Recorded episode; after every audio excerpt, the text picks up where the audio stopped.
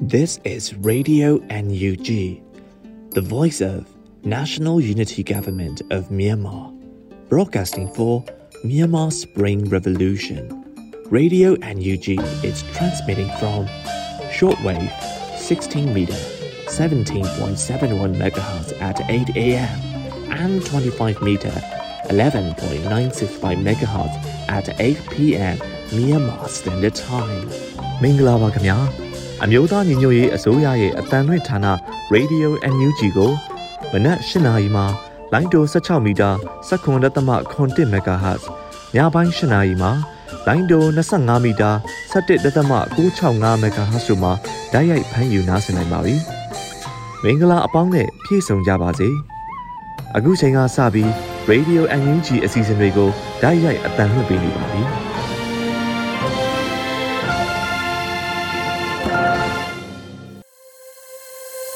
မင်္ဂလာပါရှင်မြန်မာနိုင်ငံသူနိုင်ငံသားအပေါင်းတဘာဝပြီးစစ်အာဏာရှင်ဘေးတို့ကနေကင်းဝေးပြီးကိုစိတ်နှပြဘေးကင်းလုံခြုံကြပါစေလို့ Radio NUG ဖွဲ့သားတွေကဆုတောင်းမြတ်တာပို့သလိုက်ရပါတယ်ရှင်အခုချိန်ကစပြီးနောက်ဆုံးရပြည်တွင်းသတင်းများကိုရန်နိုင်ကဖတ်ကြားတင်ပြပေးမှာဖြစ်ပါတယ်ရှင်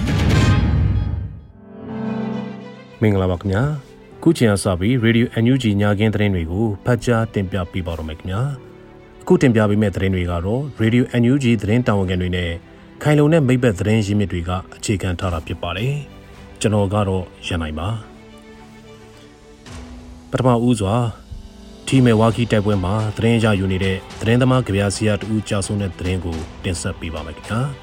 ။ကင်းပြည်နယ်မြောက်ရီမြို့တောင်ဘက်ချမ်းထီမဲဝါကီကျေးရွာနီမှာဒီဇင်ဘာလ25ရက်နေ့ကဖြစ်ပွားခဲ့တဲ့တိုက်ပွဲမှာ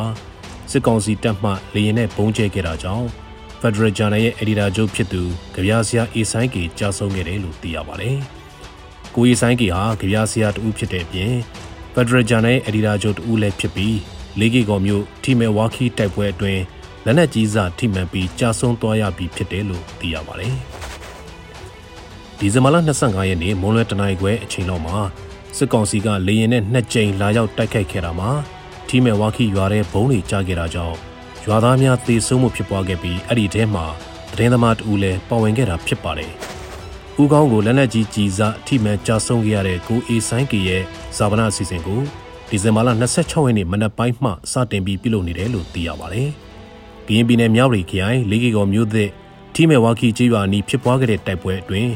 အကြမ်းဖက်စစ်တပ်မှအဆက်မပြတ်ပစ်ခတ်ခဲ့တဲ့လက်နက်ကြီးထိမှန်က PDF 3ဦးကြာဆုံးသွားခဲ့ရပြီး အပန်းခံရသူများနဲ့ဒဏ်ရာရရှိသူများလည်းရှိခဲ့ပါတယ်။ဒီဇင်ဘာလ25ရက်နေ့ကစစ်ကောင်စီနဲ့တိုက်ပွဲတွင်းမှာအသက်ဆုံးသွားခဲ့ရတဲ့ Federal Journal ရဲ့အဒီတာချုပ်ဖြစ်သူကြပြားဆရာအေဆိုင်ကီနဲ့တကွာသူရဲ့ကောင်းအပေါင်းတို့ငင်းချမ်းဘုံဘဝမှာအေးချမ်းစွာအနားယူနိုင်ပါစေကြောင်း Radio NUG ဖွဲ့သားတွေကဝန်내စွာနဲ့ဆုတောင်းပေးလိုက်ရပါတယ်ခင်ဗျာဖရူဆိုမှာ စစ်ကောင်စီတပ်ကပြည်သူ35ဦးကိုအစုလိုက်အပြုံလိုက်မိရှို့တပ်ဖြတ်ခဲ့တဲ့တဲ့ရင်ကိုတင်ပြပေးပါမယ်ခင်ဗျာ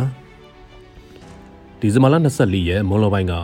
ဂီနီပြည်နယ်ဖရူဆိုမြို့နယ်မိုးဆိုကျေးရွာနီမှာစစ်ကောင်စီတပ်နဲ့ KNDF ပူးပေါင်းတပ်ဖွဲ့တို့၄နိုင်ကြာတိုက်ပွဲဖြစ်ပွားခဲ့ပြီးစစ်ကောင်စီတပ်ကနေကြားဆောင်တပ် BGF မှစစ်သား၄ဦးကိုကြိုးတုပ်ပြီးပစ်တက်ခါဒေသခံတွေရဲ့မော်တော်ယာဉ်တွေကိုမိရှို့ဖျက်ဆီးပြီး ပြည်သူ35ဦးကိုဖမ်းဆီးသွားခဲ့တယ်လို့သိရပါတယ်။အဲဒီနောက်အဆိုပါပြည်သူ35ဦးကိုစစ်ကောင်စီကတပ်ဖြတ်ခဲ့ပြီးမော်တော်ယာဉ်တွေနဲ့အတူမိရှို့ခဲ့ကြောင်း KNDF ကသတင်းထုတ်ပြန်ခဲ့ပါတယ်။အသက်ခံရတဲ့ပြည်သူတွေဟာစစ်ရှောင်ရင်းလန်ခီးမှာအဖမ်းခံရပြီးကလေးငယ်တွေနဲ့မိန်းကလေးငယ်တွေအမျိုးသမီးတွေပါဝင်နေပြီး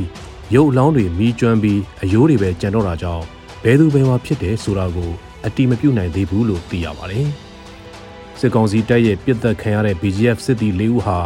ဒေသခံတွေကိုမဖမ်းဆီးဖို့နဲ့ကားတွေကိုမိမရှို့ဖို့စစ်ကောင်စီတပ်ကိုတားမြစ်ခဲ့တာကြောင့်ပြစ်တက်ခံရတာဖြစ်တယ်လို့ဒေသခံတူကပြောပါတယ်။ရွာသားတွေကသူတို့ကားတွေကိုမိမရှို့ဖို့ပြောတယ်။အဲ့ဒါကိုသူတို့ကိုခံပြောတယ်ဆိုပြီးအကုန်လုံးကိုကြိုးတုပ်ပြီးအရှင်လက်လက်မိရှို့တပ်ပစ်တာလို့ဒေသခံတူကပြောပြပါတယ်။စစ်ကောင်စီဘက်အတိုင်းဝိုင်းမှာတော့ သူတို့ဘက်ကပြစ်တက်လိုက်တဲ့စစ်သား၄ဦးဟာ BGF မဟုတ်ကြောင်းလိန်လေသတင်းဖြန့်ဝေနေပေမဲ့လည်းမြေပြင်သတင်းတပ်ပုံတွေမှာတော့တေဆုံးစစ်သူတွေဟာ BGF uniform ဖို့နေကြားဆောင်စစ်သားတွေဖြစ်တယ်လို့အတည်ပြုထားပါတယ်။စစစ်ကောင်စီတပ်တွေဟာစကိုင်းတိုင်းအတွင်းမှာအစုလိုက်ပြုံလိုက်တပ်ဖြတ်မှု၃ကြိမ်ကျူးလွန်ထားပြီးအခုကရင်ပြည်နယ်အတွင်းကျူးလွန်မှုကတော့အများဆုံးတပ်ဖြတ်မှုဖြစ်ပါတယ်။ဒါနဲ့ပတ်သက်လို့ကရင်မျိုးသားတိုးတက်ရေးပါတီ KNPP ကလည်း စစ်ကောင်စီရဲ့တပ်ဖွဲ့ဝင်တွေကအခုလိုကရင်ပြည်သူတွေကိုအရှင်လက်လက်မိရှုတပ်ဖြတ်မှုအပေါ်ပြင်းထန်စွာကန့်ကွက်ကြောင်းကြေညာချက်ထုတ်ပြန်လိုက်ပါတယ်။ KNPP အနေနဲ့ပြည်သူလူထုနဲ့တသားတည်းရက်တီပြီးစစ်ကောင်စီကိုအဆုံးစွန်အထိအပြင်းထန်ဆုံးတံပြန်လှုပ်ဆောင်သွားမှာဖြစ်ကြောင်းနဲ့ကုလသမဂ္ဂအပါအဝင်နိုင်ငံတကာအစိုးရနဲ့အတိုင်းအဝန်တွေအနေနဲ့လည်းစစ်ကောင်စီကိုပြင်းထန်တဲ့ကန့်သက်အရေးယူမှုနဲ့ကျင်းပယ်မှုတွေကိုမနှေးအမြန်ဆောင်ရွက်ပေးဖို့ကိုလည်း ကြေညာချက်ထုတ်တောင်းဆိုထားကြောင်းသိရှိရပါတယ်ခင်ဗျာ။ချောင်းရွာဒေသခံ12ဦးခန့်စစ်ကောင်စီတပ်တပ်ဖြတ်ထားပြီးအလောင်းမကောက်နိုင်သေးတဲ့သတင်းကိုဆက်လက်တင်ပြပေးပါမယ်ခင်ဗျာ။စကိုင်းတိုင်းကလေးမြို့နယ်နှချောင်းရွာမှာတိုက်ပွဲတွေဆက်လက်ဖြစ်ပွားနေစေဖြစ်တဲ့အတွက်စစ်ကောင်စီတပ်ကပြစ်ခတ်တပ်ဖြတ်ထားတဲ့အလောင်းတွေကိုကောက်ယူနိုင်ခြင်းမရှိသေးဘူးလို့ဒေသခံသတင်းရင်းမြစ်တွေထံကသိရှိရပါတယ်။အခုလက်ရှိမှာတော့ ပြစ်ခတ်တံတွေပြန်ကြားနေရပြီတဲ့ခင်ဗျ။နောက်ဆုံးကြားရတာကတော့တေဆုံး12ဦးလောက်ရှိပြီးအလောင်းမကောက်ရဲကြသေးဘူးလို့သိရပါတယ်လို့ဒေသရင်းမြစ်မှတောင်းရှိသူတူကပြောပါတယ်။နတ်ချောင်းရွာမှာဒီဇင်ဘာလ22ရက်နေ့ကစပြီးစစ်ကောင်စီတပ်ကဒေသခံပြည်သူအချို့ကိုလိုက်လံဖမ်းဆီးမှုတွေပြုလုပ်လာတဲ့အပြင်ရွာတွင်းဝင်ရောက်တပ်ဆွဲထားပြီးနေအိမ်တွေကိုဖျက်ဆီးတာအပြစ်မဲ့ပြည်သူတွေကိုဖမ်းဆီးတာတွေပြုလုပ်ခဲ့ပါတယ်။အဲဒီနောက်အဆိုပါည9နိုင်ဝန်းကျင်မှာ စာတင်ကျောင်းဝင်းအတွင်းတပ်ဆွဲထားတဲ့စစ်ကောင်စီတပ်တွေဟာနတ်ချောင်းကြီးရွာမှစစ်ကား၈စီးနဲ့ပြန်လည်ထွက်ခွာသွားရာလမ်းမှာပကဖကလေးနဲ့ CNDF ပူးပေါင်းဖွဲ့ကမိုင်းဆွဲတိုက်ခိုက်ခဲ့တဲ့အတွက်ရန်တစည်းအပါဝင်စစ်ကောင်စီဘက်က16ဦးခန့်သေဆုံးကြောင်းဒေသအရင်းမြစ်ကပြောပါတယ်။သူတို့ဘက်ကအထိနာနေလို့မနေ့ကရဟတ်ရင်နှစ်စီးသုံးတဲ့အထိဖြစ်လာတယ်လို့ယူဆရတယ်။တခါမှဒီလောက်ထိမပစ်ဘူး။မျိုးရဲလဲခီးတဲ့ရင်လေရင်ကပိတ်ထားတော့ လေးစိတ်ကိုသူတို့စိတ်ကြိုက်သုံးလို့ရနေတာ။ကျောင်းဝင်းထဲမှာလည်းတက်ဆွဲထားတယ်။လေးစိတ်ဘေးကဓာကဆတက်ဆိုတော့လက်နက်ကြီးလွင်ရဖြည့်ပြီးပြန်ပစ်မဲ့အနေထားရှိနေတယ်။အဒီမနဲ့ခဏညင်နေတဲ့အချိန်တချို့ကထွက်ပြေးကုန်ပြီးပိတ်မိနေတဲ့သူတွေလည်းရှိနေသေးတယ်လို့ဒေသခံတူကပြောပါတယ်။လက်ရှိကျေးရွာအတွင်းတပ်ဖြတ်ခံရတဲ့ရုံလောင်းတချို့ကိုကောက်ယူနိုင်ခြင်းမရှိသေးတဲ့အပြင်တပ်ဖြတ်ခံထားရတဲ့ပြည်သူတွေရဲ့စည်းရင်အတိအကျကိုလည်းမသိရှိနိုင်သေးကြောင်းနဲ့တပ်ဖြတ်ခံရသူအခုထက်ပိုများနိုင်ကြောင်းသူကဆက်ပြောပါတယ်။ နတ်ချောင်းရွာမှာဒီဇင်ဘာလ22ရက်နေ့ကစပြီး MPD ဖုန်းလိုင်းတွေဖြတ်တောက်ခံထားရတဲ့အတွက်ထွက်ပြေးသူတချို့ဟာလည်းဖုန်းလိုင်းမမိတဲ့နေရာတွေမှာရောက်ရှိနေတာကြောင့်အန်နီရဲ့ကင်းမကင်းကိုသိရှိရခြင်းမရှိသေးဘူးလို့သိရပါတယ်။နှစ်ချောင်းရွာဟာအင်ဂျင်2000ဝန်းကျင်ရှိပြီးကလေးမျိုးတောင်ဘက်15မိုင်အကွာခန့်မှာတည်ရှိတဲ့ကျေးရွာဖြစ်ပါတယ်ခင်ဗျာ။ဆလဘီနမ်ဆန်မြို့နယ်နရိုင်းပြည်သူစစ်က ပြောင်းကျင်ပိုင်ရှင်များထံဆက်ကြီးကောက်ခံနေတဲ့တဲ့ရင်ကိုတင်ပြပေးပါမယ်။ရှမ်းပြည်တောင်ပိုင်းနမ်ဆန်မြို့နယ်ရှိစစ်ကောင်စီလက်အောက်ခံနေရိုင်းပြည်သူစစ်မှပြောင်းကျန်ပိုင်ရှင်ထံစက်ကြီးကောက်နေတယ်လို့ဒေသခံတွေစီကနေသိရပါတယ်။နမ်ဆန်မြို့နယ်လိုက်ခါကျေးရွာမှာရှိတဲ့ပြောင်းဆိုင်တဲ့ချန်ပိုင်ရှင်တွေထံကဒီဇင်ဘာလ26ရက်နေ့နောက်ဆုံးထားပြီးစက်ကြီးလာပေးရမယ်လို့လိုက်ခါကျေးရွာပြောင်းကျန်ပိုင်ရှင်တူထံကသိရပါတယ်။ဒီနှစ်မှသူတို့စကောက်လာတယ်။တခါမှမကောက်ဘူးသေးဘူး။ တရွာလုံးကို55သိန်းတွားသွင်းခိုင်းတယ်။ကျွန်တော်တို့တရွာလုံးဒီပါပြောင်းကျန်နေစိုက်ကြတယ်။လေယာခွန်လို့တော့ပြောတာပဲလို့လိုက်ခါကြီးရွာဒေသခံပြောင်းကျန်ပိုင်ရှင်မျိုးသားတူကပြောပါတယ်။နိုင်ရိုင်းပြည်သူစစ်မှနမ်ဆန်မြို့နယ်လိုက်ခါကြီးရွာဟိုနာကြီးရွာဥမှန်ကြီးရွာနဲ့နောင်မိုကြီးရွာတို့ရှိပြောင်းကျန်ပိုင်ရှင်တွေထံကအခုလိုဆက်ကြီးကောက်နေတယ်လို့သိရပါတယ်။ဒီလိုခွန်ကမရှိသေးဘူး။ဘိုးဘွားစင်ဆက်လှုပ်လာတာတခါမှမပေးရဘူး။ပြည်သူတွေကရှာစားရတာခက်ခဲတယ်။ ယောဂချင်းနေနိုင်ငံရေးအခြေအနေတွေကြောင့်ငွေတွေကရှားခက်တယ်။ပြောင်းလဲအလုပ်သိမ့်မဖြစ်တော့ဘူးလို့လိုက်ခါကြီးရွာဒေသခံပြောင်းကျန်ပန်းရှင်ကပဲဆက်ပြောပြပါတယ်။နိုင်ရိုင်းပြည်သူစစ်ဆက်ကြီးလာကောက်တဲ့လိုက်ခါကြီးရွာနဲ့ဟိုနာကြီးရွာမှာရှမ်းပြည်ပြည်လဲထူထောင်ရေးကောင်စီရှမ်းပြည်တပ်မတော် RCSS SSA တို့လှုပ်ရှားရနယ်မြေဖြစ်ပြီးဥမှန်ကြီးရွာနဲ့နောင်မိုကြီးရွာဟာနိုင်ရိုင်းပြည်သူစစ်လှုပ်ရှားရနယ်မြေဖြစ်ပါတယ်။နိုင်ရိုင်းပြည်သူစစ်ဖွဲ့ဟာ ဒေသတွင်းမှာရှိတဲ့တိုင်းသားတွေနဲ့ဖွဲ့စည်းထားပြီးအင်အားတထောင်ကျော်ခန့်ရှိပါတယ်။1996ခုနှစ်မှာမုံတိုင်းတပ်မတော် MTA မှလက်နက်ချပြီးတဲ့နောက်နေရိုင်းပြည်သူစစ်ဖွဲ့ကိုကိုဂျိုးဆန်းကဦးဆောင်ပြီးမတ်တိုင်းပြည်သူစစ်ကိုဦးဆိုင်လူကခေါင်းဆောင်ကစစ်ဆိုးရမှပြည်သူစစ်အဖြစ်ပြန်လည်တာဝန်ခံအပ်ခဲ့တဲ့အဖွဲ့တွေဖြစ်ကြတယ်လို့သတင်းနဲ့မီဒီယာကွန်ရက်မှဖော်ပြထားကြောင်းသိရှိရပါတယ်ခင်ဗျာ ခုတစ်ခါမှာတော့ရွှေညောင်မြို့ရှိစာတင်ကျောင်းလုံခြုံရေးကိုကျောင်းသားမိဘများအလှည့်ကျကင်းဆောင်ရတဲ့သတင်းကိုဆက်လက်တင်ပြပေးပါမယ်ညာရှမ်းပြည်တောင်ပိုင်းတောင်ကြီးမြို့နယ်ရွှေညောင်မြို့ရှိစာတင်ကျောင်းတချို့မှာကျောင်းသားမိဘတွေအလှည့်ကျကင်းဆောင်ရတယ်လို့သိရပါတယ်။ညောင်ရွှေမြို့ရင်းမှအမှတ်9အထက်တန်းကျောင်းနဲ့တခြားသောအလကကျောင်းတွေမှာကျောင်းတက်နေတဲ့ကျောင်းသားတွေရဲ့မိဘတွေကိုကျောင်းသားတွေလုံခြုံရေးအတွက်ဆိုတဲ့အကြောင်းပြချက်နဲ့အလဲကျကင်းဆောင်မှုညွှန်ကြားမှုတွေရှိနေတယ်လို့သိရပါတယ်။ ဒီဇင်ဘာလ18ရက်နေ့ကစပြီးတော့ကျောင်းသားမိဘတွေကကိုသားသမီးတက်နေတဲ့ကျောင်းမှာတနေ့3ယောက်နဲ့အလဲကျကင်းဆောင်ပေးရတယ်။အထက်က6မှာကကျောင်းထဲရှိတယ်လေ။အဲ့ဒီမှာနေပြီးတော့စောင့်ပေးရတယ်။အရင်တော့ကတော့စစ်သားတွေစောင့်တဲ့နေရာပေါ့လို့ရှင်ညောင်မြို့ဒေသခံမျိုးသားတူကပြောပါတယ်။အထက်ကအမှတ်9အပြင်ညောင်ရွှေမျိုးကမိသက်ကျောင်းလို့အများကခေါ်ဆိုကြတဲ့အလကအမှတ်2ကျောင်းပါလေပြီးခဲ့တဲ့ဒီဇင်ဘာလ20ရက်နေ့ကစပြီးကျောင်းသားမိဘတွေကကျောင်းဂိတ်ပေါက်မှာ လုံခြုံရေးအတွက်ဆောင်ပေးနေရတယ်လို့သိရပါတယ်မြို့နယ်ထွေအုပ်စည်းဝေးမှာဒီကျောင်းကလုံခြုံမှုမရှိဘူးဆိုပြီးတင်ပြထားတာရှိလို့အခုလိုလုပ်ရတာတဲ့ဒီကျောင်းကမိသက်ဗန်နဲ့လည်းနီးတယ်အဲ့ဒါကြောင့်လည်းပါမယ်ထင်တယ်လို့ကျောင်းနဲ့နီးစပ်သူရွှေညောင်မျိုးကန်အသက်40ကျော်မြို့သမီးတူကပြောပါတယ်စစ်ကောင်စီရဲ့ညွှန်ကြားနှိုးဆော်ချက်ကြောင့်ရွှေညောင်မျိုးအတွင်းရှိကျောင်းသူကျောင်းသားတချို့မှာ COVID-19 ကာကွယ်ဆေးထိုးပြီးနိုင်ငံရေးမတည်မငြိမ်တက်မှုတွေကြားကကြောင်းတက်ရတာဖြစ်ပြီးကျောင်းသားမိဘတွေက ကျောင်းမှာကိုကလေးလုံခြုံရေးအတွက်ကိုယ်တိုင်ကင်းဆောင်နေကြရတာဖြစ်ပါတယ်ခင်ဗျာ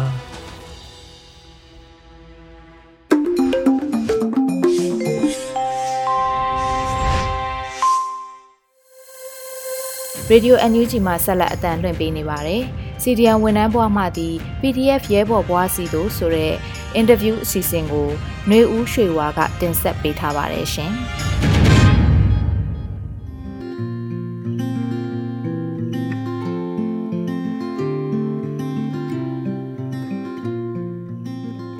နိုင်ငံတော်မှာတိုင်းရင်းသားလက်နက်ကိုင်ပူးပေါင်းတပ်ဖွဲ့ဝင်တွေနဲ့အတူပြည်သူ့ကာကွယ်ရေးတပ်ဖွဲ့ PDF တွေဟာလည်းတိုက်ပွဲဝင်နေကြပါပြီ။ဆိုရလာတဲ့စစ်ရာဇဝတ်မှုတွေကိုကြောင်ကြောင်တင်းတင်းကြီးချိုးဖောက်နေတဲ့စစ်ကောင်စီရဲ့မကောင်းသတင်းတွေဟာအခုလိုလှပတဲ့ခရစ်စမတ်ရာသီအတွက်ကတော့အမတန်အကြီးတန်းလွန်လာပါတယ်။နိုင်ငံသားကောင်းလူငယ်တွေကလည်းလွတ်လပ်ပြီးတရားမျှတမှုကိုငြိမ်းချမ်းစွာဆန္ဒပြခြင်းစားလက်နက်ကင်တိုက်ယူမှရတော့မယ်ဆိုတာအသက်ပေါင်းမြောင်များစွာရင်းနှီးပြီးနောက်မှာတော့ ကြည်ကွဲဖွယ်တည်ခဲ့ကြပါပြီ။အခုလှည့်ကြတဲ့ Radio NUG ရဲ့အင်တာဗျူးစီစဉ်မှာတော့မတရားတဲ့အမိန့်ကိုအာဏာဖီဆန်ခဲ့တဲ့ CDM ဝန်ထမ်းဖြစ်တယ်လို့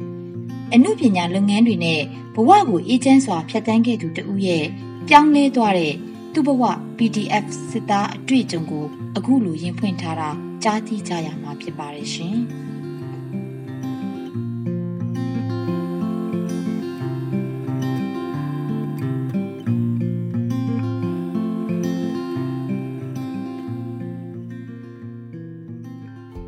ဟုတ်ကဲ့ပါရဲဘော်ရှင်ဒီရဲဘော်အနေနဲ့ပေါ့နော်ဒီနေရာကိုဘယ်တိုင်းပဲပြည်နယ်ကနေပြီးတော့ကိုစားပြုပြီးရောက်ရှိလာလဲဆိုတာကိုပထမဆုံးအနေနဲ့ပြောပြပေးပါအောင်ရှင်ဟုတ်ကဲ့ပါခင်ဗျာတိုင်းနဲ့ပြည်နယ်ကိုစားပြုရလို့တော့မဟုတ်ပါဘူးကျွန်တော်တို့ကမွေးရစာတီကတော့အေယာဝီတိုင်းပေါ့နော်ရန်ကုန်ကနေအလုပ်လုပ်နေရင်တည်းမှစီရီယန်ဝင်တယ်စီရီယန်ဝင်ပြီးတော့ဒီဘက်ကိုထွက်လာခဲ့တာဆိုတော့ရန်ကုန်တိုင်းကိုကိုစားပြုလို့လားဆိုတော့လည်းရန်ကုန်တိုင်းကိုစားပြုရလည်းမဟုတ်ပါဘူးပြောမယ်ဆိုရင်တော့อืม တနိုင်ငံလုံးအတိုင်းအတာကူစားပြုတဲ့ဒေါ်လာကြီးရဲ့ပေါ်တယောက်ပါဟုတ်ကဲ့နောက်ထပ်လေးပြောချင်တာဒီတနိုင်ငံလုံးတိုင်းတာနဲ့နယူးဒေါ်လာကြီးကိုပါဝင်နေတယ်ပေါ့နော်ဒီတနိုင်ငံလုံးကတော့ဒီနယူးဒေါ်လာကြီးမှာပါဝင်နေတယ်ဒါပေမဲ့ဘယ်ຢာတွေကရဲဘော်တွေလက်နဲ့ဆွဲကင်ပြီးတော့တော်လန်ဖို့အထိပေါ့နော်ဒါတွန်းအားတွေဖြစ်စေခဲ့တာလေဒီကိုပို့ဆောင်ခဲ့တာလေဒါလေးကိုလည်းပြောပြပေးပါဦးပြည်သူလူထုကရွေးချယ်တင်မြှောက်ထားတဲ့ပြည်သူအစိုးရကိုပေါ့နော်သူတို့ကမတရားသဖြင့်ဖြုတ်ချတယ် ဒါရင်လားဆိုတော့မဟုတ်ဘူးဆန္ဒပြနေတဲ့ပြည်သူတွေကိုညှဉ်းပန်းနှိပ်စက်တပ်ဖြတ်တယ်ဖမ်းဆီးတယ်မျက်စိရှိမှလည်းမြင်နေရတယ်ကြားနေရတယ်ဒါတွေကိုဘလို့မှသိခံလို့မရနိုင်တော့လို့ဒီလက်နက်ဆွဲကင်တော်လန်ဖို့အထိတွန်းအားတွေဖြစ်ခဲ့တာပါတောင်းဆိုယုံနဲ့သူတို့ကပေးမှာမဟုတ်ဘူးလေတော်လန်ဖို့ပဲဖြစ်ဖြစ်မှာဘူးဒါကြောင့်ပါ ဟုတ်ကဲ့ဒီကိုရောက်လာတဲ့အခါမှာပေါ့နော်ဒီကိုရောက်လာဖို့အတွက်ဒီဂျားထဲမှာပေါ့ဘယ်လိုပုံစံမျိုးတွေနဲ့ဖြတ်ကျော်ခဲ့ရတဲ့ဒီအခက်အခဲတွေရောဘယ်လိုရှိလဲဒီနေရာကိုရောက်လာဖို့အထိလေဒီဒါကိုလည်းဒီအတွေ့အကြုံလေးကိုလည်းဆက်ပြီးတော့ဝေမျှပေးပါအောင်ရန်ကုန်ကနေ၄လပိုင်းအကုန်လုံးဆက်ထွက်လာတာပေါ့နော်အဲ့ဒီမတိုင်ခင်မှာလည်းတခြားအဖွဲ့တွေကထွက်ကြတယ်ဆိုတဲ့သတင်းတွေရှိတော့သူကအတားအဆီးအစ်စ်ဆေးတွေအများရှိတယ်အဲ့မှာ ဒါဝတရီကြီးကြီးနဲ့ကျွန်တော်တို့ကလည်းတည်ကြတဲ့လမ်းကြောင်းတွေကိုချိတ်ဆက်ပြီးထွက်ရတာပေါ့ကျွန်တော်ဆိုနှစ်ဆင့်လောက်ဖြစ်သွားတယ်အခက်ခဲကိုနှစ်ခေါက်လောက်ဖြတ်ရတယ်ဟုတ်ကဲ့ဒီတောထဲကိုရောက်လာတယ်ပေါ့နော်ဒီလူချင်းတဲ့နေရာကိုဒီရောက်မဲ့နေရာကိုရောက်လာပြီဆိုတော့လေဒီနေရာမှာဒီဘယ်လောက်ကြာမှပေါ့နော်ဒါစစ်တင်တန်းကိုတက်ခဲ့ရလဲပေါ့ဒီအကြောင်းနဲ့ပတ်သက်ပြီးတော့လည်းဆက်ပြီးတော့ပြောပြပေးပါအောင်လေးလပိုင်းအကုန်မှာရောက်တယ် အဲ့မှာအကြောင်းအမျိုးမျိုးနဲ့ချိန်နေကြာကြီးပေါ့လေးလလောက်စောင့်လိုက်ရတယ်ကိုဗစ်တွေပါလည်းဖြစ်နေတာကိုတင်တန်းတွေမပေးဘူးအဲ့နဲ့ရှစ်လပိုင်းမှာတော့အဆင်မပြေတော့ဘူးလို့ဆုံးဖြတ်လိုက်ပြီးတော့ရှစ်လပိုင်းမှာထွက်လာတယ်ရှစ်လပိုင်းအကုန်မှာကျမှအဲ့ဘက်မှာတင်တန်းစတက်ရတာပေါ့လေးလကျော်တော့စောင့်လိုက်ရတယ် ဒီကြားထဲမှာရောပေါ့နော်ဒီနေထိုင်စားတောက်မှုအနေနဲ့ရောဘယ်လိုရှိလဲပေါ့နော်နော်တင်နန်းတက်တဲ့အခါမှာရောတွေ့ကြုံရတဲ့အခက်အခဲတွေကဘာတွေလဲဒါလေးကိုလည်းဆက်ပြီးပြောပြပေးပါဦးနေထိုင်စားတောက်မှုကတော့ပြောရမယ်ဆိုကြုံတယ်လို့ပဲပေါ့ဗျာဟိုအခြေခံအခြေခံစားတော့ခုံကုံတော့စုထားတာပေါ့လူရှိစေစီရလာတဲ့ဟာကိုဆန်စီစံငိတ်ချက်တော်တို့ပဲကြာစံဟိုပဲကြာစံတို့ အာလူတို့အသားတို့ဒါမျိုးဒီဆောင်ထားတယ်တခါဒီဘက်ကမြစ်ချိုးစားတယ်အဲ့လိုပေါ့တောထဲမှာရရလေးလိုက်ခုစားရမျိုးလည်းရှိတယ်ပြီးတော့တခါတလေအလူရှင်ပေါ်လာတဲ့အခါမျိုးတွေကြာရင်တော့ကြက်သားဝက်သားငါးအဲကျုံတယ်လို့ကျွန်တော်ဝယ်ချက်စားပြပါတယ်သင်တန်းမှာအခက်ခဲတွေတွေ့လားဆိုတော့ တွေ့တာပေါ့ကျွန်တော်တို့ကဟိုမြို့ပေါ်မှာကအမှုပညာလုပ်ငန်းနဲ့ပဲအသက်မွေးဝမ်းကြောင်းပြုလာတယ်ဝင်နေလဲဝင်နေလုပ်ခဲ့တာဆိုတော့ဒီလိုစိတ်ပညာနဲ့ကျွန်တော်တို့ ਨੇ တခြားစီလို့ပဲပြောရမှာပဲဘာမှမဆိုင်ဘူးလေနော်ကျွန်တော်တို့တီးနေခတ်နေတဲ့ဒုရိယာနေချထားခဲ့ပြီးတော့ဒီတနက်ကြီးကိုပြောင်းကန်ပြီးတော့လေ့ကျင့်ခန်းနေအပြင်းထန်လုပ်ရတဲ့အခါမှာ မလိုက်နိုင်တာတွေလည်းအများကြီးပေါ့အရန်กว่าဟာတယ်နေထိုင်မှုပုံစံအစကျွန်တော်တို့လူလူလက်လက်ပြပြပပနေကြရတဲ့အချိန်မှာဒီမှာစစ်စီကန်းနဲ့ဘောင်နဲ့နေရတဲ့အခါမှာတော့အနေရထိုင်ရကြက်တာတွေရှိတယ်ပင်မနာတွေရှိတယ်အများကြီးပါပဲပြောမှဆိုရင်တော့ဟုတ်ကဲ့လက်ရှိမှာဟောပေါ့နော်ဒီရဲဘော်အနေနဲ့တော်လန်ရေးတိုက်ပွဲဝင်နေပြီလား ဒါကိုလည်းဆက်ပြီးပြောပြပေးပါအောင်ရှင်တခွဲအနေနဲ့ကတော့တိုက်တိုက်ပွဲတွေကိုထွက်နေရပါတယ်ကျွန်တော်တို့တက်ခွဲမှာကလူပေါင်း90ကျော်ရှိတယ်လက်နက်အနေနဲ့က20တောင်မပြည့်ချင်ဘူးအဲ့တော့အလေးကြအနေနဲ့အဲ့လိုတတုပ်ပြီးတတုပ်သွားနေရတာပဲနော်အခုလည်းအခုချိန်လည်းရှေ့တန်းမှာရှိနေကြပါတယ်ကျွန်တော်တို့တက်ရဲဘော်တွေကျွန်တော်တော့မရောက်သေးဘူးကျွန်တော်ခုလည်းရောက်ဖို့စောင့်နေရတာပေါ့ ဟုတ်ကဲ့ရဲဘော်တို့အနေနဲ့လေအခုလက်ရှိမှာဆိုလို့ရှိရင်ဘယ်လိုပိုင်းမှာပေါ့နော်ဒါတာဝန်ယူထားရလဲဘယ်နေရာမှာတာဝန်ထမ်းဆောင်နေလဲဒီပိုင်းနဲ့ပတ်သက်ပြီးတော့လည်းပြောပြပေးပါအောင်ရှင်ကျွန်တော်ကတော့တာမန်ရဲဘော်တယောက်ပါပဲလက်နက်ငယ်ပြင်မယ်ရှေ့တန်းထွက်ရမယ်อืมတခါတလေတော့ဒီရုံးဖွဲ့ကိုအလူငွေလေးပါလေရမရန်ကရှာပေးရတာလေးမျိုးလေးလည်းလုပ်ပေးရပါတယ်ဗျ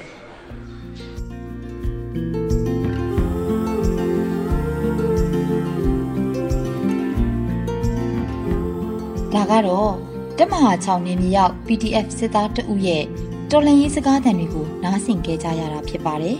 ။တရားတော်စစ်မှာတိုက်တဲ့ပွဲတိုင်းအောင်မြင်ပါစေ။ဘေးကင်းချမ်းသာစွာနဲ့လွတ်လပ်မျှတတဲ့နိုင်ငံတော်သစ်စီအရောက်လှမ်းနိုင်ပါစေ။ရဲဘော်မြတ်နိုးတဲ့အမှုပညာလုပ်ငန်းတွေကိုလည်းအေးချမ်းစွာပြန်လည်လုပ်ကင်နိုင်ဖို့ကျမတို့ Review NUG ဖွဲ့သားများကဆုတောင်းပေးလိုက်ရပါတယ်ရှင်။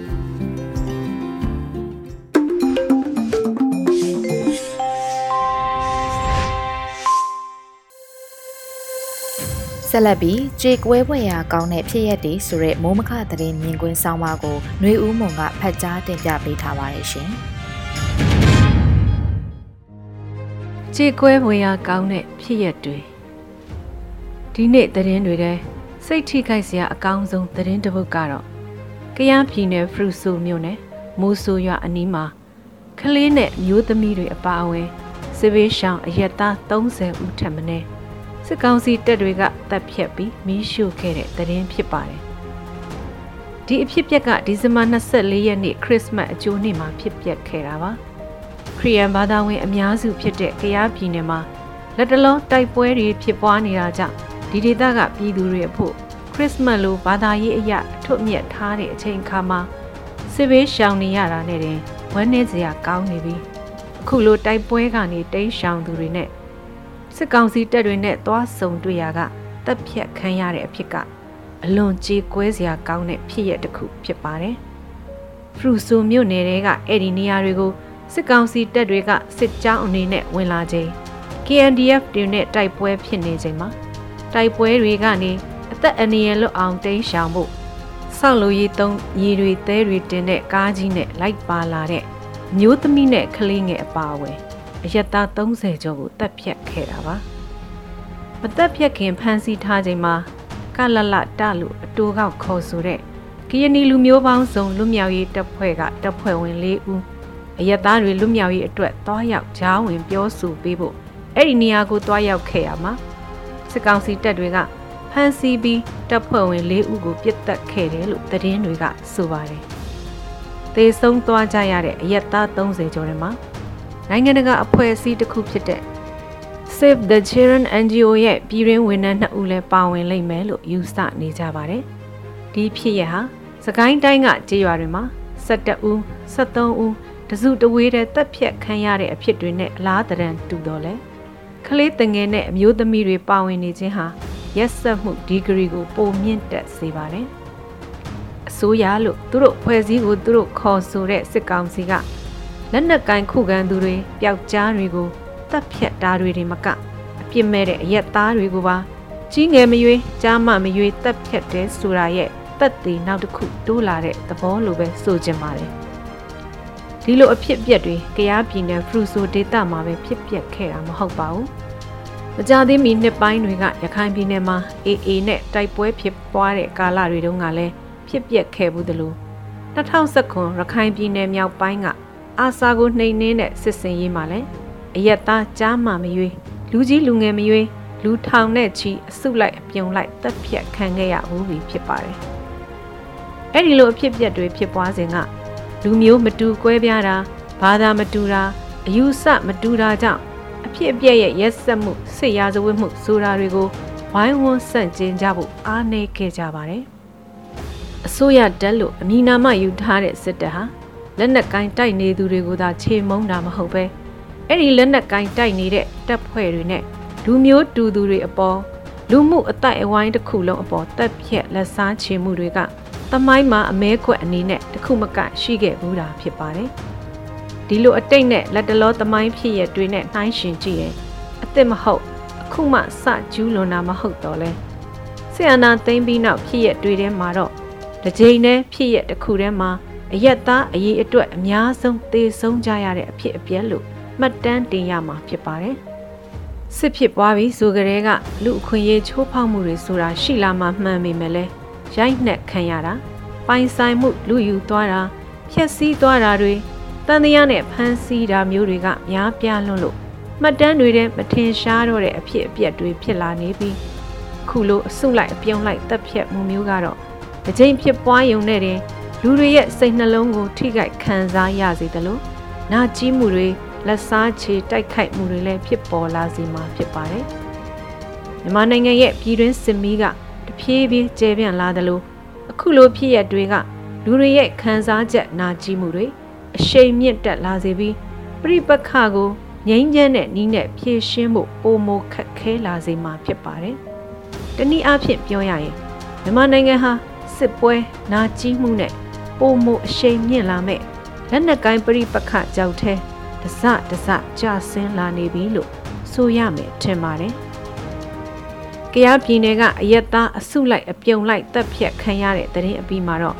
ကရင်ပြည်နယ်၄ကီကောဒေသမှာဖြစ်ပွားနေတဲ့တိုက်ပွဲတွေဆက်လက်ဖြစ်ပွားနေဆဲဖြစ်ပြီးခရစ်စမတ်နေ့မှာလဲစစ်ကောင်စီတပ်တွေကဘုံကျဲတိုက်ခိုက်မှုတွေဆက်လက်ဖြစ်ပွားခဲ့ပြီးသေဆုံးသူအချို့ရှိခဲ့တယ်လို့ ဒဏ်ရာရသူတွေလည်းရှိခဲ့တယ်လို့သတင်းတွေမှာဖော်ပြထားတာတွေ့ရပါတယ်။ထိုင်းနိုင်ငံဘက်အချမ်းထပ်မံတိမ်းရှောင်သူတွေရှိခဲ့ပြီးဒီကီကိုဒေသကတိုက်ပွဲတွေဆက်လက်ဖြစ်ပွားနေအောင်မဲ့အလားအလားလို့ယူဆရပါတယ်ရှင်။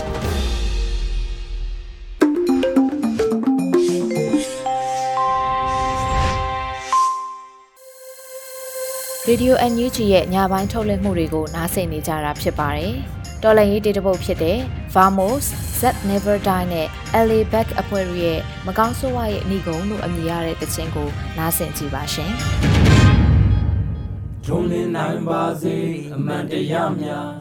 သူရဲ့ကောင်းများရဲ့တွေ့တဲ့ပေးဆက်ခြင်းများမမေ့နိုင်တော့နာကြည့်ချမ်းများနဲ့အမြဲ တို့ပြည်သူတွေလေးပြုတို့ပြည်သူတွေလေးပြုတို့ပြည်သူတွေလေးပြု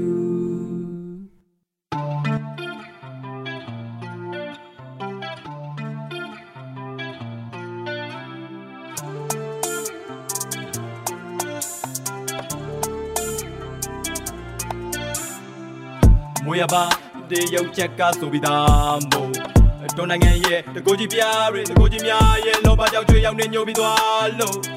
ခွဲလိုက်ပေါ့သခိုးပါဝါအာနာအမျိုးဘာသာသာနာအစိုးရောက်တဲ့ငယ်ကြီးချစ်တမကြိုးတို့တဲ့ဟိုလာလာလာကျွေးတယ်လက်ကိုပြန်ကြိုက်တွေ့နေတဲ့ပတရတာတတ်တော်သာချွေရောက်တန်နေတဲ့ယုံညံဆုံးစုတွေတရလာချက်ကမပါလာလာလာလာ ကောင်းဆောင်မျိုးသမီးရဲ့ထက်စင်ကိုပတ်ရမှာပြင်မဲ့ပြည်သူတွေပေါ့ဦးဆုံးကြီးတက်ကြကွာမိတ်စဘလူးတွေအနာစိတ်မယူစိတ်မကြဘူးပြည်သူကြိတ်ကတိတ်ကဆူတော့ပိတ်တမြူးလို့ငဲလာရထွက်အခုတို့ကြိတ်ကဆူဆူဆူဆူငါတို့နိုင်တယ်ပြီလေမင်းတို့ပဲ China နဲ့ Russia ကြီးဖင်ပြန်ကြီးကို Infinity Stone တွေလုံးငါတို့စိတ်တက်ခွန်အားနဲ့တမင်ပြန်ပြီးကြို့ဘဘကရှုံးရှမ်းမဲ့တမကြတော့လူမစံရက်စကြတော့အသားတွေကလောက်ထွက်တယ်ဟေးအဘဘကရှုံးရှမ်းမဲ့တမကြတော့လူမစံရက်စကြတော့ အသားတွေကလောက်ထွက်တယ်ဟေးအိမ်တော့ကွေးလေအိုအိုအိုအိုနိုင်ငံလုံးရဲ့ချီတဲ့ကျွေးမလို့အိမ်တော့ကွေးလေအိုအိုအိုအိုနိုင်ငံလုံးရဲ့ချီတဲ့ကျွေးမလို့ခဏစနေတဲ့တကွာစနေလေမကြမီလာမီလာမီလဲကြောင်ရွဲတဲ့လဲကြောင်ရွဲတဲ့လဲကြောင်ရွဲတဲ့လဲကြောင်ရွဲတဲ့အိမ်တော့ကွေးလေအိုအိုအိုအိုနိုင်ငံလုံးရဲ့ချီတဲ့ကျွေးမလို့အိမ်တော့ကွေးလေအိုအိုအိုအိုနိုင်ငံလုံးရဲ့ချီတဲ့ကျွေးမလို့ခဏစနေတဲ့တကွာစနေလေမကြမီလာမီလာမီ လဲကြောင်ရွဲတဲ့လဲကြောင်ရွဲတဲ့လဲကြောင်ရွဲတဲ့တိုးတက်နေစေနိုင်ငံလေးကကြံဖျားလူတွေကြောင့်ကြောက်သေးကိုပြုတ်ကျဒီနိုင်ငံကလူသားတွေမျိုးနဲ့ကြမဲ့ထဲထက်မြလူတန်းသားမျိုးဒုက္ခနဲ့ခံရတယ်တာဝန်တွေကိုစီးတဲ့ချင်တဲ့ဆန္ဒချင်းတဲ့လူစုကဒုက္ခတွေပေးပြီးတော့ရုံးမှန်ကြံကြတယ်နေ့ဆုံးလို့နေကလူတွေရုံးထပ်ပြန်ကြွလာပြီးရုံးမှကင်းတဲ့လူတွေဆုံးမှလုံးမြတ်ပြန်ခံရမယ်ចောင်းသားတွေကတောင်းလက်ကိုလွှင့်လာပြီးပြည်သူတက်မတော့ကလည်းစစ်ချင်ကြပြီဘလောက်ပဲချက်တွေသုံးဘလောက်မြင့်တွေကြာပြီးတိဆောက်ခဲ့ပါစေအမှန်တရားကနိုင်ဖြစ်နေမှာတိထားစီလုံးချင်းနဲ့နိုင်ပဲဘုဒ္ဓလက်မပုတ်ကိုထွက်လာခဲ့တဲ့လက်နက်မဲ့တွေကိုမင်းတို့သနက်တင်နဲ့ပြည့်ចောင်းချင်းကိုကောင်းတဲ့သွေးပြီးအုပ်ချုပ်ချင်တဲ့ကောင်းတွေအားလုံးဒူလိုက်တော့2017မှာနေရာရှိထိန်းသိမ်းနေဆိုတဲ့လေးစင်းနဲ့နောက်ပဲနှစ်ပဲချိန်တီရုံးညံ့ကြသေးလေ။ကြားများတာမှုချင်းတွေတစ်ဖက်ဆောင်နေရကိုတဲမဖို့တဲတပွင့်အုပ်ချက်ဖြစ်ငါစည်းမယ်။အိမ်နောက်ဝင်တန်းတွေကအိမ်ရှက်တက်ခွင့်ကောင်းယူချင်တာမျိုးဖျားတို့ကိုလုံးရက်တယ်။စစ်ချုံဥပဒေအားလုံးကိုချိုးဖြတ်နောင်လာမယ့်မျိုးဆက်တို့စီဆိုးဆုံးတတ်မယ်။ပြည်သူဘက်ကဘလောက်နိုင်ချင်များလဲဆိုမလေးပတ်နိုင်တဲ့ထီလုံးငယ်တွေကတတ်တည်ပဲ။မင်းတို့လည်းနဲ့ရေးသမျှခြေကဖြတ်နေမယ်။တမ်းတီပြပုံကိန်းဆက်ရွေ့မယ်။ တောက်တိုင်နေအားလုံးလောက်ခိုင်နေတာအချိန်တစ်ခုရောက်ရင်ပြည်သူအပေါင်းနိုင်သွားမယ်အနာယူနဲ့ခေါင်းမနေရပေါင်းပါတွေတင်မနေကိုပြက်ကတင်ကြီးဆောင်ဆိုင်နေကြအိမ်တော့ကွေးလေအိုအိုအိုအိုနိုင်ငံလုံးရဲ့ကြီးတဲ့ကျွေးမလို့အိမ်တော့ကွေးလေအိုအိုအိုအိုနိုင်ငံလုံးရဲ့ကြီးတဲ့ကျွေးမလို့ခဏစနေတဲ့တကွာစနေလေမကြမီလာမီလာမီ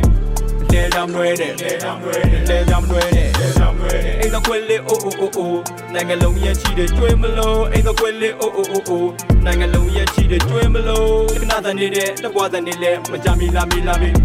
လဲကြောင်ရွဲတဲ့လဲကြောင်ရွဲတဲ့လဲကြောင်ရွဲတဲ့လဲကြောင်ရွဲတဲ့